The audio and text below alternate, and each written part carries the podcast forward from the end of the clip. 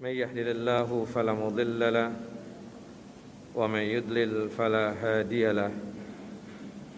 أشهد أن لا إله إلا الله وحده لا شريك له وأشهد أن محمدا عبده ورسوله. ولقد قال الله تعالى في القرآن العظيم يا أيها الذين آمنوا اتقوا الله حق تقاته ولا تموتن إلا وأنتم مسلمون. وبعد أبي صخر صدري ويسر لي أمري وأحلل عقدة من لساني يفقه قولي. اللهم انفعنا بما علمتنا وعلمنا ما ينفعنا وزدنا علما. اللهم إنا نعوذ بك من جهد البلاء ودرك الشقاء وسوء القضاء. وشماتة الأعداء. اللهم إنا نعوذ بك من البرص والجنون والجزام وسيء الأسقام. اللهم إنا نعوذ بك من زوال نعمتك وفجأة نقمتك وتحول عافيتك وجميع سخطك. إخواني وأخواتي وأعزكم الله. Bapak dan Ibu yang selalu dimuliakan oleh Allahu Jalla wa Ala Melanjutkan kajian kita Pembacaan kitab Umdatul Ahkam Karya Syekh Al-Allamah Al-Muhaddis Al-Faqih Abdul Ghani bin Abdul Wahid bin Ali Al-Maqdisi Rahimahullah rahmatan wasi'ah Yang di mana kita masih membahas Seputar hadis tentang masalah imamah yaitu berkaitan tentang masalah mengikuti imam. Pada kesempatan yang lalu di hadis nomor 87 dijelaskan oleh Nabi kita Muhammad sallallahu alaihi wasallam terlarangnya kita tersebut untuk mendahului imam. Dan kita sudah kupas tuntas hadis nomor 87 tersebut. Yang di mana jika sekiranya seseorang di antara kita tersebut secara sengaja untuk mendahului gerakan-gerakan imam yang nampak oleh dia dosa besar dikarenakan Nabi sallallahu alaihi wasallam menyatakan di dalam hadis Abu Hurairah radhiyallahu an anin Nabi sallallahu alaihi wasallam qaal dari Nabi sallallahu alaihi wasallam beliau bersabda amma yakhsha alladhi yarfa'u ra'sahu qabla al-imami ay yuhawwil Allah ra'sahu ra'sa himarin aw yaj'ala suratahu surata himarin apakah tidaklah takut dari hadis ini sahih dikeluarkan oleh al-Imam al-Bukhari dan juga oleh al-Imam Muslim.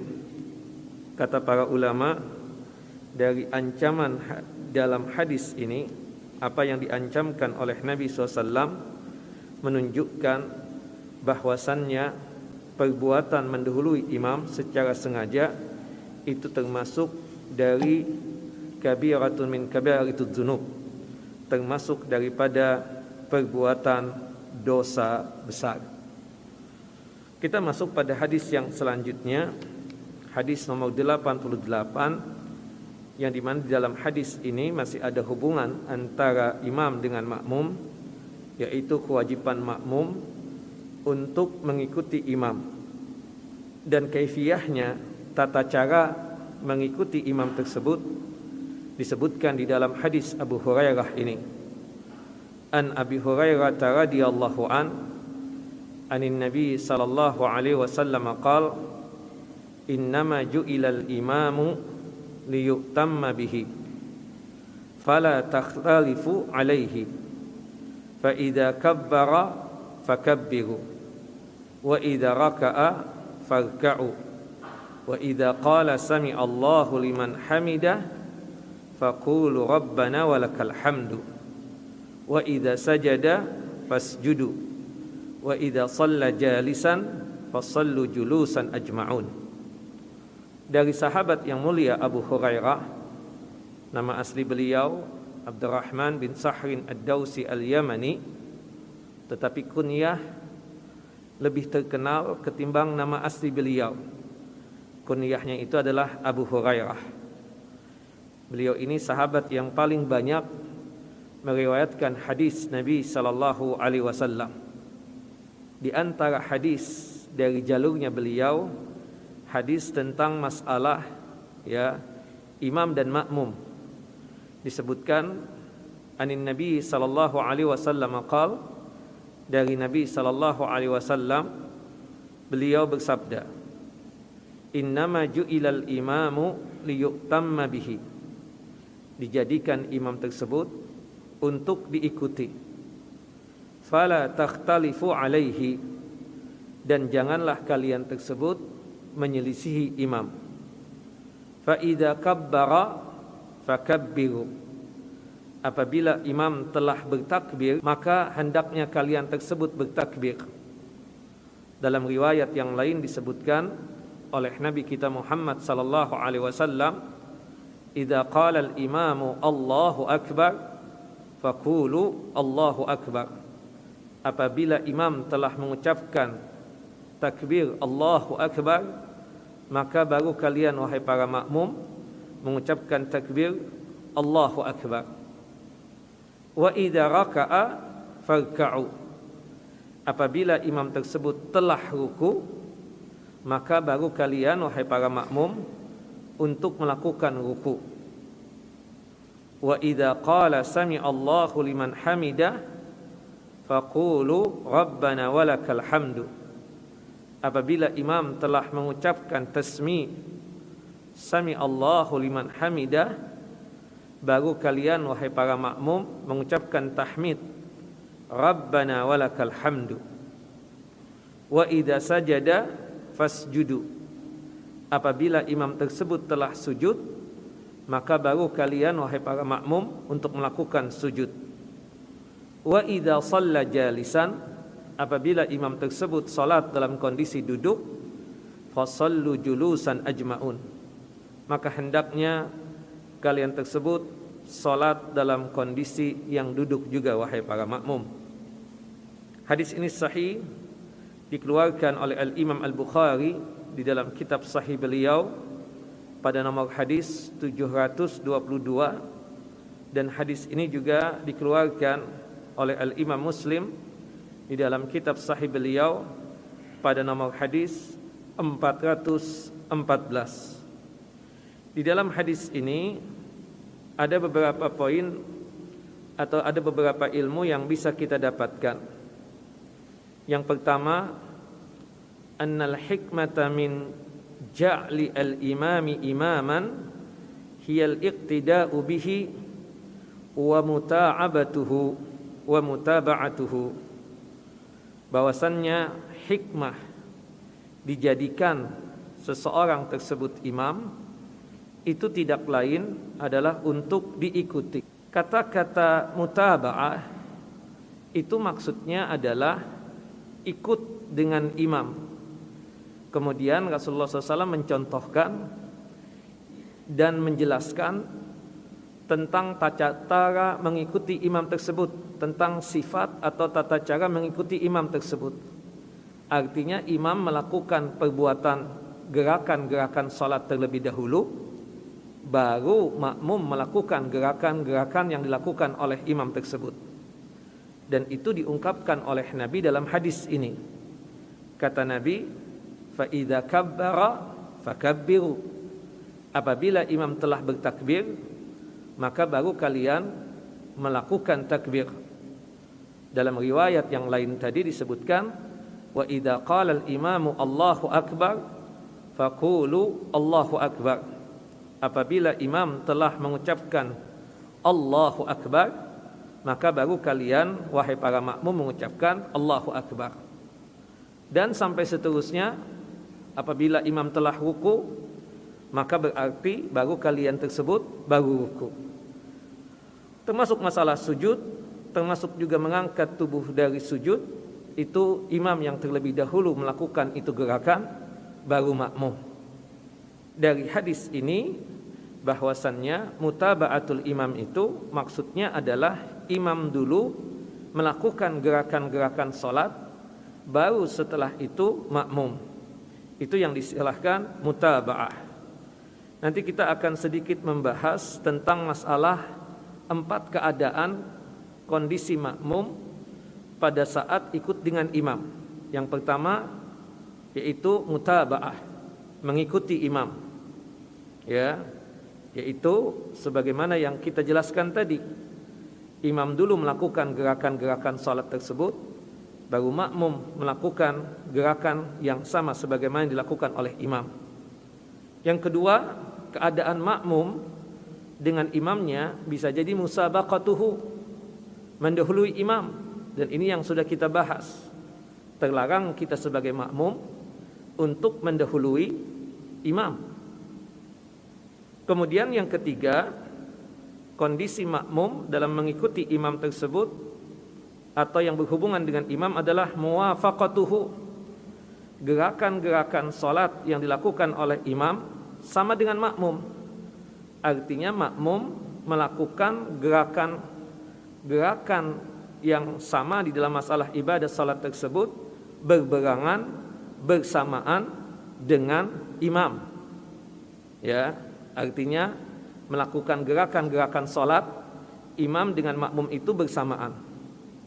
Yang terakhir, yang keempat adalah at-ta'akhuru anhu katsiran At-ta'akhur itu artinya imam sudah melakukan gerakan sholat Sudah agak lama imam melakukan gerakan sholat tersebut Baru makmum melakukan gerakan sholat tersebut. Seperti misalnya Imam sudah berdiri Bangkit dari sujud Ya Tahu-tahu makmum ini masih sujud saja. Mungkin alasannya karena ingin memperbanyak doa Di waktu sujud tersebut Memang benar waktu sujud itu doa kita mustajab sebagaimana yang disebutkan di dalam dua hadis, hadis dari Abdullah bin Abbas dan hadis Abu Hurairah. Tapi bukan berarti kita tersebut menyelisihi imam dengan cara imam telah selesai melakukan itu gerakan, kita masih melakukan itu gerakan. Nah, ini pun juga terlarang. Istilahnya itu adalah at-ta'akhkharu anhu kathiran. Artinya imam sudah meninggalkan itu gerakan sudah agak lama tetap saja makmum melakukan itu gerakan. Sebagaimana yang saya contohkan tadi biasanya itu berkaitan dengan sujud ya kan? Sujud lama padahal imam sudah berdiri. Atau imam sudah ruku dia masih berdiri. Tidak mau ruku dengan alasan dia belum selesai membaca surah Al-Fatihah. Nah, Taib. Kemudian wabinaan ala dzalik fa innal ma'muma manhiyun anil ikhtilafi alaihi.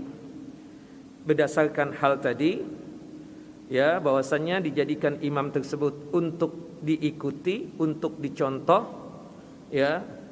Maka oleh sebab itu makmum terlarang untuk menyelisih imam. Dikatakan seseorang itu menyelisih imam ketika kondisinya tiga hal berikut ini. Yang pertama musabaqatuhu mendahului imam. Itu termasuk menyelisih imam. Seorang makmum mendahului gerakan-gerakan solat yang seharusnya imam terlebih dahulu, malah dia yang lebih duluan. Malah si makmum itu yang lebih duluan melakukan itu gerakan solat. Maka itu termasuk menyelisihi ya imam. Yang kedua berberangan bersamaan muwafaqatuhu itu pun juga tidak boleh yang demikian. Imam dulu sampai selesai baru dia melakukan perbuatan yang dilakukan oleh imam atau melakukan gerakan yang dilakukan oleh imam. Tidak boleh bersamaan dengan imam. Atau yang ketiga dianggap menyelisih imam juga ketika dia tersebut ya gerakan-gerakan yang seharusnya setelah selesai imam melakukan itu gerakan langsung dia melakukan itu gerakan yang berkaitan dengan sholat tapi malah dia tersebut memperlambatnya. Imam sudah berdiri, dia masih sujud. Imam sudah ruku, dia masih berdiri. Imam sudah iktidal, dia masih ruku. Nah, ini termasuk menyelisih imam juga. Kemudian dari hadis ini juga ilmu yang bisa kita dapatkan zahirul hadisi anna al-murada bihi al-iqtida'u bil imami fi af'ali zahirah la fi niyat kalau kita melihat tekstual dari hadis tadi, hadis yang kita bacakan, hadis Abu Hurairah, hadis yang dikeluarkan oleh Al-Imam Al-Bukhari dan Muslim, bahwasanya yang dimaksudkan mengikuti imam dan mencontoh imam itu berkaitan dengan perbuatan-perbuatan yang nampak oleh makmum. Tidak perbuatan-perbuatan yang tidak nampak seperti masalah niat. Ya perbuatan-perbuatan yang tidak nampak itu yang paling utamanya adalah masalah niat. Ya kita tidak tahu tentang niatan imam tersebut. Termasuk juga berkaitan dengan bacaan-bacaan ruku bacaan-bacaan yang berkaitan dengan sujud ya tasyahud dan seterusnya itu adalah perbuatan yang tidak nampak oleh makmum. Jadi kewajiban kita sebagai makmum tersebut adalah mengikuti imam berkaitan dengan masalah perbuatan-perbuatan yang nampak. Dan itu yang menjadi pendapat madhab asy-syafi'i dan pendapat al-zahiri. Ya. Meskipun saya tahu ini adalah berkaitan tentang masalah khilaf di kalangan ulama sebagian ulama mengatakan ya mereka mengatakan wajib makmum itu mengikuti ya gerakan-gerakan imam yang nampak ataupun yang tidak nampak seperti masalah niat.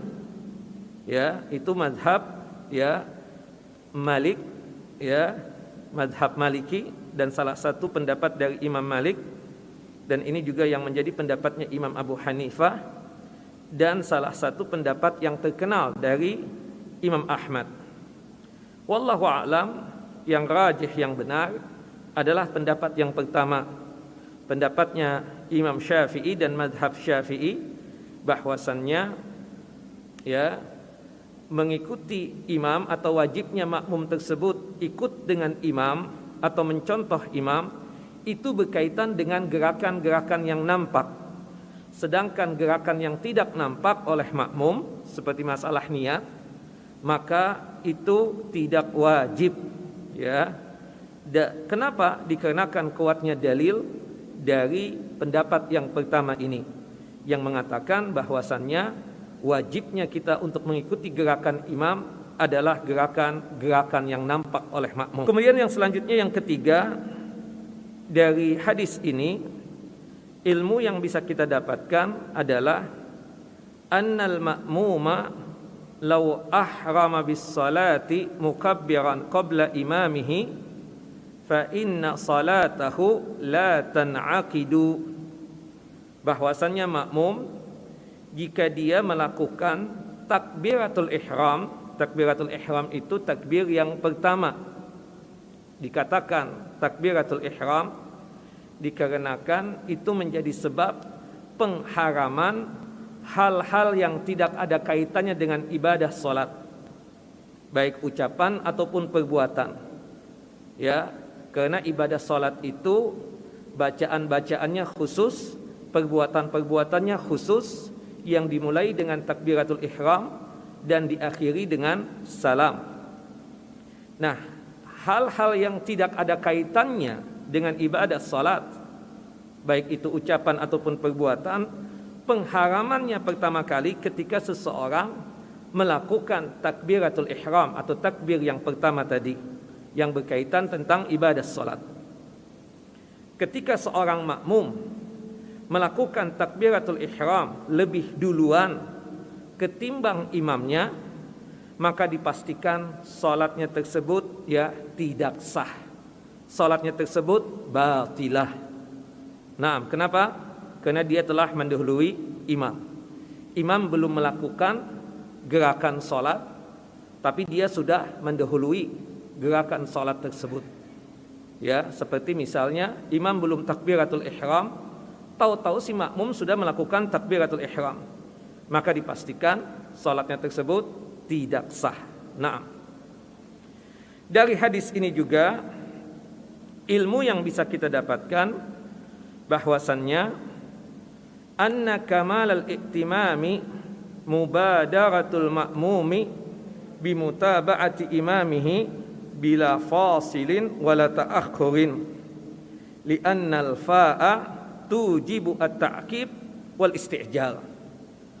Bahwasannya kesempurnaan seorang makmum ikut dengan imam ketika makmum tersebut bersegera untuk mengikuti gerakan imam ketika imam sudah menyelesaikan gerakan tersebut.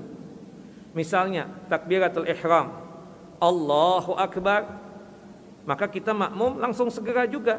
Karena imam sudah selesai melakukan gerakan takbiratul ihram. Segera kita sebagai makmum melakukan gerakan itu Allahu Akbar.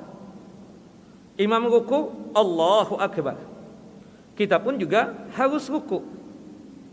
Tidak boleh ada jeda apalagi memperlambat. Meskipun dia ada alasan sekalipun. Seperti misalnya yang banyak terjadi adalah imam sudah ruku. Dikarenakan alasan dia belum selesai membaca surah Al-Fatihah, dia tidak mau ikut dengan imam. Karena keyakinan dia kalau makmum tidak membaca surah Al-Fatihah meskipun imam sudah merubah gerakannya yang tadinya berdiri menjadi ruku, maka sholatnya tersebut tetap tidak sah. Padahal kesepakatan para ulama jika imam sudah merubah posisi dari berdiri ke ruku meskipun belum selesai membaca surah Al-Fatihah sekalipun maka makmum wajib untuk ikut imam melakukan gerakan ruku tersebut. Bahkan yang mengatakan ini ya ini menjadi sepakat ya menjadi kesepakatan. Bahkan yang mengatakan ini juga yang mengatakan tentang wajibnya pembacaan surah Al-Fatihah untuk makmum tadi. Berdasarkan hadis yang umum tadi wa farka'u apabila imam telah ruku maka kalian wahai para makmum ikut ruku juga. Tidak boleh kita sudah mendapatkan imam ruku kita masih berdiri dengan alasan ya ingin menyelesaikan pembacaan surah Al-Fatihah tadi. Padahal kita tahu ya jika toh kita tersebut ya sebagai makmum tidak sempurna pembacaan Al-Fatihahnya maka Al-Fatihah kita sudah diwakili oleh imam. Berdasarkan hadis yang umum qala Rasulullah SAW Rasulullah sallallahu alaihi wasallam bersabda man kana lahul imam fa qiraatul imam lahul qiraah. Barang siapa yang memiliki imam maka bacaan imam tersebut sudah mewakili bacaannya makmum. Dan itu yang harus ya kita lakukan ikut dengan imam. Sedangkan al-fatihah kita ya diwakili oleh imam tersebut. Karena tolak ukur seseorang tersebut mendapatkan satu rakaat dari imam bukan ya ikutnya makmum berkaitan tentang pembacaan surah Al-Fatihah tersebut. Tapi paling terakhirnya seorang makmum itu mendapatkan satu rakaat dari imam adalah ketika sang makmum tadi ikut rukunya imam. Makanya kata Nabi kita Muhammad sallallahu alaihi wasallam di dalam hadis yang sahih, hadis dari Abu Hurairah radhiyallahu anhu juga. Ya. Rasulullah menyatakan ya fama adraktum fasallu. Apa pun yang engkau dapatkan dari imam kerjakanlah. Salah satunya disebutkan wa idza raka'a. Ya apabila imam itu telah ruku farka'u maka rukulah. Wa man adraka rak'ata faqad adraka salah barang siapa yang mendapatkan rukunya imam berarti dia mendapatkan salat dari si imam tersebut berarti dia terhitung satu rakaat. Nah, kemudian termasuk juga selain tidak boleh jeda, tidak boleh juga kita sebagai makmum memperlambat diri tadi. Seperti yang saya contohkan tadi berkaitan dengan sujud. Kita tahu doa di doa di sujud pada waktu kita melaksanakan ibadah salat baik itu salat wajib ataupun salat sunnah mustajab doanya sebagaimana yang disebutkan di dalam hadis Abdullah ibnu Abbas dan hadis Abu Hurairah. Dalam hadis Abu Hurairah Rasulullah SAW menyatakan, Qala Rasulullah SAW, Rasulullah sallallahu alaihi wasallam bersabda, "Aqrabu ma yakunul abdu min rabbih wa huwa sajid." Paling dekatnya seorang hamba kepada Tuhannya, kepada Allah Jalla wa ala ketika dia tersebut sujud. Maka oleh sebab itu, fa'akthirud doa, perbanyaklah doa ketika sujud. Dalam hadis yang lain, hadis Abdullah ibnu Abbas, fa'am dan seterusnya. Naam. Baik, itu yang kelima. Ilmu yang bisa kita dapatkan dari hadis ini. Yang keenam, ilmu yang bisa kita dapatkan dari hadis ini, annal ma'muma yusalli jalisan idza salla imamuhu jalisan. Wa yusalli qa'iman idza salla imamuhu qa'iman. Ya wa sayati insyaallah taala mazidun li hadza wallahu taala a'lam. Bahwasannya makmum melaksanakan ibadah salat dengan cara duduk jika imamnya dia melaksanakan ibadah salat dalam kondisi yang duduk. Begitupun juga makmum melaksanakan salat dalam kondisi berdiri jika mendapatkan imamnya melaksanakan ibadah salat dalam kondisi berdiri. Artinya makmum duduk ya melaksanakan salatnya jika mendapatkan imamnya duduk Makmum pun juga berdiri melaksanakan ibadah salatnya jika dia mendapatkan imamnya tersebut dalam kondisi berdiri. Nah, ini memang ada perdebatan di kalangan para ulama. Tapi yang jelas sepakat adalah jika imam ya misalnya salat subuh rakaat yang pertama dia mampu dan kuat berdiri. Kita sebagai makmum ikut berdiri juga jika kita sehat walafiat mampu berdiri.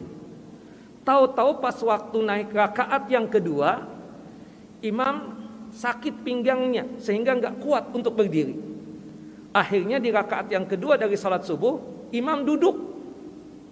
Nah, apa yang kita lakukan sebagai makmum meskipun kita kuat berdiri, sehat walafiat, maka kita wajib untuk ikut imam salat dalam kondisi duduk. Nah, itu yang menjadi kesepakatan para ulama dan fuqaha yang menjadi perdebatan dan ikhtilaf di kalangan ulama adalah jika imam dari awal sholat dalam kondisi duduk. Apakah makmum ikut duduk juga? Ataukah makmum yang kuat dan sehat secara fisik mampu berdiri tetap sholat dalam kondisi berdiri? Ada dua pendapat. Ada yang mengatakan berdasarkan hadis yang umum tadi berhubung imamnya duduk dari awal ya kita duduk dari awal. Sebagian lain mengatakan berdasarkan hadis dari Ibunda Aisyah radhiyallahu anha ketika menjelaskan tentang Rasulullah SAW yang sholat waktu itu duduk karena sakit, para sahabat di belakangnya tetap apa? Berdiri, ya. Maka ya kalau dari awal tetap makmum yang sehat walafiat sholatnya dalam kondisi berdiri. Ini ada dua pendapat. Tapi yang jelas sebagaimana yang saya sebutkan tadi yang menjadi kesepakatan adalah jika imam di pertengahan perjalanan awalnya berdiri tahu-tahu di rakaat yang kedua nggak kuat berdiri karena sakit dia duduk. Maka kita sebagai makmum apa? Wajib untuk ikut apa? Duduk juga sebagaimana imam seperti itu. Tapi yang menjadi perdebatan adalah ketika imam dari awal duduk Nah, apakah kita sebagai makmum ikut duduk juga dari awal ataukah sholatnya dalam kondisi berdiri? Nanti insya Allah lain kesempatan kita akan bahas lagi pembahasan ini ya. Nah, kemudian tambahan ilmu ikhwan wa akhawati fid din a'azani wa azakumullah menyelisih imam dikarenakan ada uzur maka tidak mengapa yang demikian. Seperti misalnya aslinya ya salat itu kan dalam kondisi berdiri ya. Apalagi berkaitan dengan salat wajib. Kita sehat walafiat kuat mampu berdiri. Tahu-tahu kita salat duduk salat wajibnya maka tidak sah salat kita. Itu menurut mayoritas ulama. Nah berhubung kita sakit maka kita boleh salat dalam kondisi apa? Duduk. Di sini poinnya. Imam berdiri, kita makmum duduk. Karena kita tersebut sakit. Bolehkah hal yang demikian? Boleh, sepakat para ulama. Ini menyelisihi yang dibolehkan. Termasuk menyelisih yang dibolehkan adalah orang yang masbuk.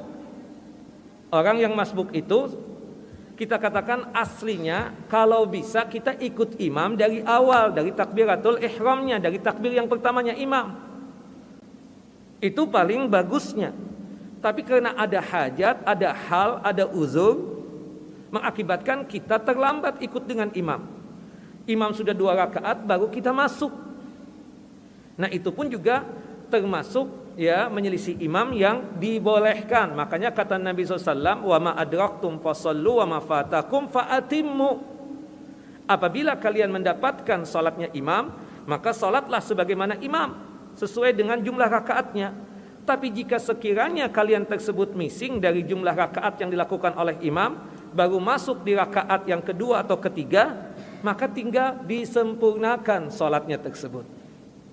Nah, nah itu termasuk apa?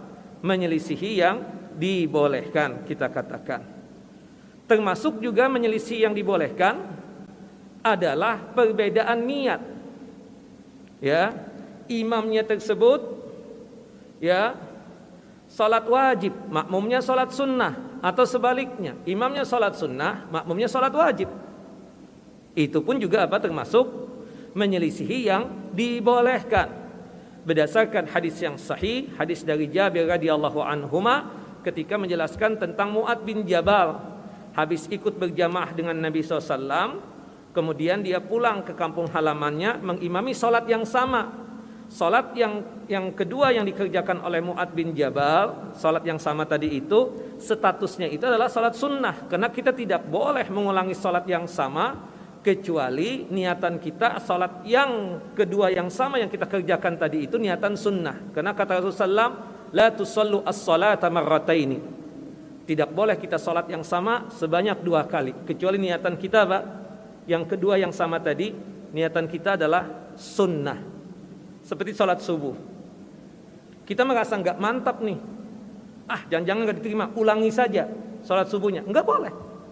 Kecuali ada sebab. Ada teman yang belum sholat berjamaah dengan kita tadi subuh. Ingin minta ditemani oleh kita. Boleh. Hal yang demikian boleh. Berdasarkan hadis yang sahih. Ketika ada seorang sahabat Nabi yang terlambat sholat subuhnya dia bingung ingin berjamaah dengan siapa kemudian Rasulullah berkata kepada para sahabatnya yang sudah selesai melaksanakan sholat subuh man yatasaddaq ala hadar rajul yusalli ma'ahu siapa di antara antum yang ingin bersedekah ingin menemani dia salat berjamaah salat subuh. Nah, kemudian ada yang yang yang yang menemani sahabat yang terlambat tadi itu. Nah, salat yang kedua, salat yang sama, salat subuh yang dia kerjakan itu bukan terhitungnya wajib, tapi terhitungnya apa? Sunnah. Termasuk juga kita katakan imamnya apa? Imamnya wajib, makmumnya sunnah itu sesuai dengan apa disebutkan di dalam hadis ya. Sahabat Nabi sallallahu alaihi wasallam ya ketika Rasulullah berada di Mina pada waktu itu ya pada saat itu di Masjid Khib Nabi SAW salat di situ salat subuh ada dua orang sahabat merasa sudah salat subuh di kemahnya dia datang ke sana tidak salat lagi kata Rasulullah kalau misalnya kalian masuk ke masjid masih mendapatkan jamaah salat saja ikut bersama itu jamaah dan kalian mendapatkan pahala sunnah nah artinya perbedaan niat yang seperti ini pun juga tidak mengapa yang demikian. Imamnya wajib, makmumnya sunnah, imamnya sunnah, makmumnya wajib, tidak mengapa yang demikian. Artinya menyelisihi yang dibolehkan. Atau perbedaan sholat. Imamnya sholat asar, makmumnya sholat zuhur. Ya, itu pun juga apa? Dibolehkan, tidak mengapa yang demikian. Atau imamnya mukim, makmumnya musafir, atau sebaliknya, imamnya musafir, makmumnya ya mukim. Itu pun juga dibolehkan. Jadi itu menyelisihi imam yang dibolehkan kita katakan. Nah nanti insya Allah pada kesempatan yang akan datang kita lebih menguatkan tentang masalah menyelisih imam yang tidak dibolehkan. Ya, nanti kita akan jelaskan pada hadis yang selanjutnya. Wallahu a'lamu bissawab. Nah, sudah jam 6. Sudah syuruk? Mau penguburan jam berapa? Sekarang ini penguburan.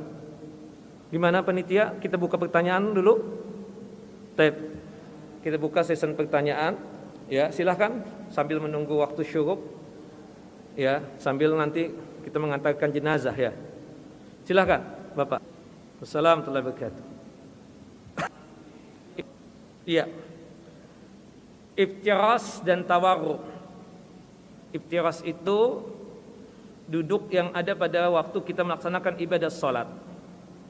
Kalau iftiras itu biasanya berkaitan dengan tasyahud yang pertama, sedangkan tawarruk itu adalah tasyahud yang kedua. Ya, iftiras itu telapak kaki yang kanan nancap, telapak kaki yang kiri kita dudukin. Itu namanya duduk iftirash. Sedangkan duduk tawaru, telapak kaki yang kanan nancap, telapak kaki yang kiri nongol kelihatan, kemudian bagian belakang kita yang kiri tersebut menempel dengan lantai atau dengan sajadah. Itu namanya duduk tawaru. Ya. Kemudian timbul pertanyaan ya kan, berkaitan nanti nyambung dengan pertanyaan Bapak itu.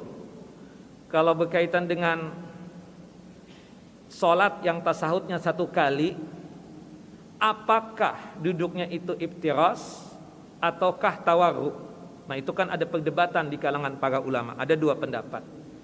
Ada yang mengatakan duduknya iftirash berdasarkan hadis Wa'il bin Hujr.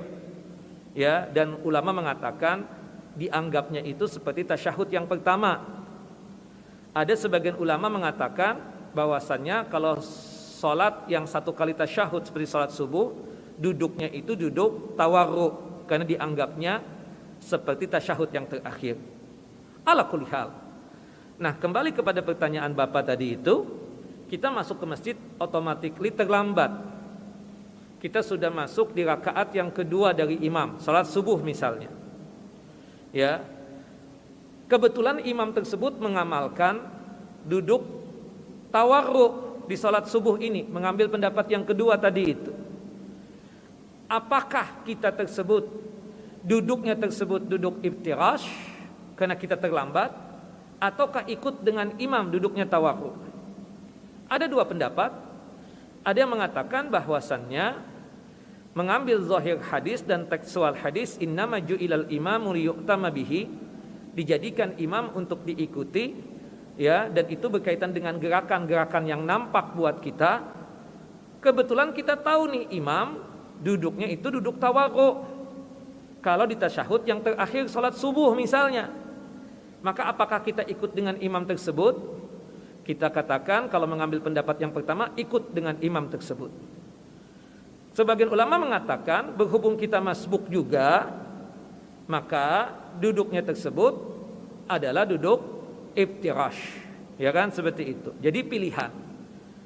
Masbuk di misalnya di salat zuhur duduknya tawaru apa iftiras ada dua pendapat ala kulihal ada yang mengatakan mengambil pendapat yang pertama meskipun kita terlambat tapi kita tahu imamnya duduk tawaru ya duduk tawaru pendapat yang kedua mengatakan enggak berhubung kita itu masih tasyahud yang pertama maka duduknya duduk iftiras seperti itu ala kulihal dua-duanya sahih dua-duanya benar silahkan pilih yang menjadi kekuatan kita di dalam mengambil dalil-dalil tersebut. Kalau misalnya ada yang mengatakan duduk tawaru, berarti dia mengambil hadis yang umum. Meskipun terlambat, ya jumlah rakaat tidak sama dengan imam karena imam lebih duluan, masbuk dia tersebut, tetap ikut dengan imam, berarti duduknya tawaru. Ya, ada yang mengatakan yang kedua, berhubung dia tersebut terlambat, masbuk, berarti status tasyahudnya itu tasyahud yang pertama maka oleh sebab itu duduknya duduk apa? Iftirash. Wallahu a'lam bisawab. Jadi ada dua pendapat dan dua-duanya apa? Sahih. Dua-duanya tersebut benar. Silahkan pilih salah satu di antara kedua tadi. Nah, silahkan Bapak. Tinggal lima menit lagi. Ya, silahkan. Agak keras suaranya Pak.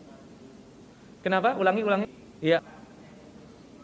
Karena ketidaktahuan antum, antum bangkit saja dari sujud Padahal imamnya tuh mengucapkan sesuatu mungkin ada apa dalam hatinya atau dalam pikirannya atau, atau mengucapkan takbir, bukan begitu? Belum sempurna berdirinya. Iya. seharusnya kita pastikan perubahan gerakan salat tersebut ketika kita tahu imam itu sudah mengucapkan takbir Allahu Akbar.